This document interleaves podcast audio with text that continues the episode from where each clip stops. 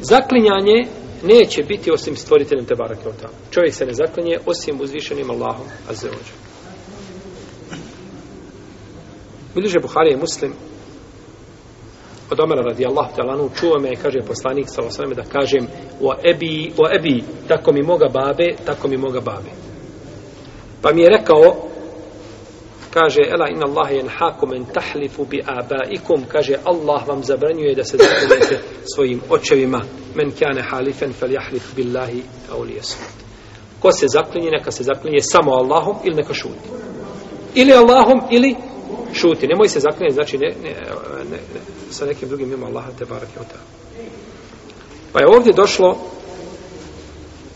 u ovome hadisu došla dvije stvari došla je prva stvar a to je a, zabrana zaklanjanja sa nekim drugim mimo Allaha te barake o teala. A Kurejšije su imali taj običaj, kao kaže Ibn Hajar Oskalani, Kurejšije su imali običaj da se zaklanju našto babo, jer je babo uvijek bio nešto veliko.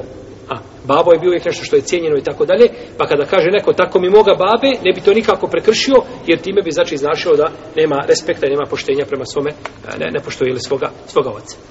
Pa je uzvišen je Allah tebara htala zabranio to i došao je poslanik sa osaname sa ovim sunnetom da dokine taj paganski običaj zaktonjanjem sa, sa očevima.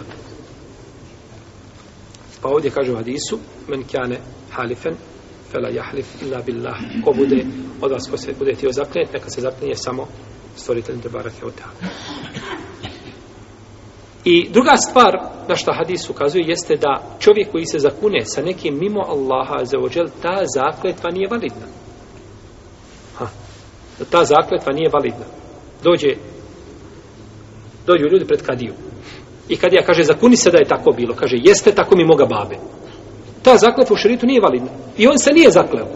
Ne, ne vrijedi tako mi moga babe, moraš reći tako mi Allaha, tako mi moga gospodara a da se kaže jeli ovaj vidjet ćemo to doćemo do toga gospodara šta je to i gospodar je riječ koja je elastična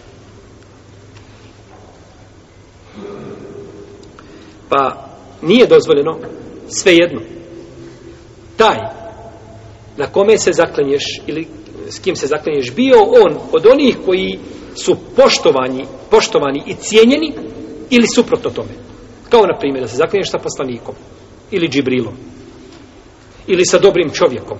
A, ili da se zaklinješ džennetom i džehennem. To su je tako vrijedne i, i stvari koje su poštovane. Ili da se zaklinješ šeitanima.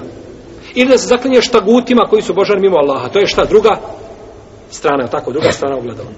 Imate znači dvije Ne smijemo ničim. Ako bi čim da se zakunemo na ovoj zemlji, onda bi to bio poslanik sa osram. No, međutim, ne smijemo se zaklinjati njime, ali i salatu vesela.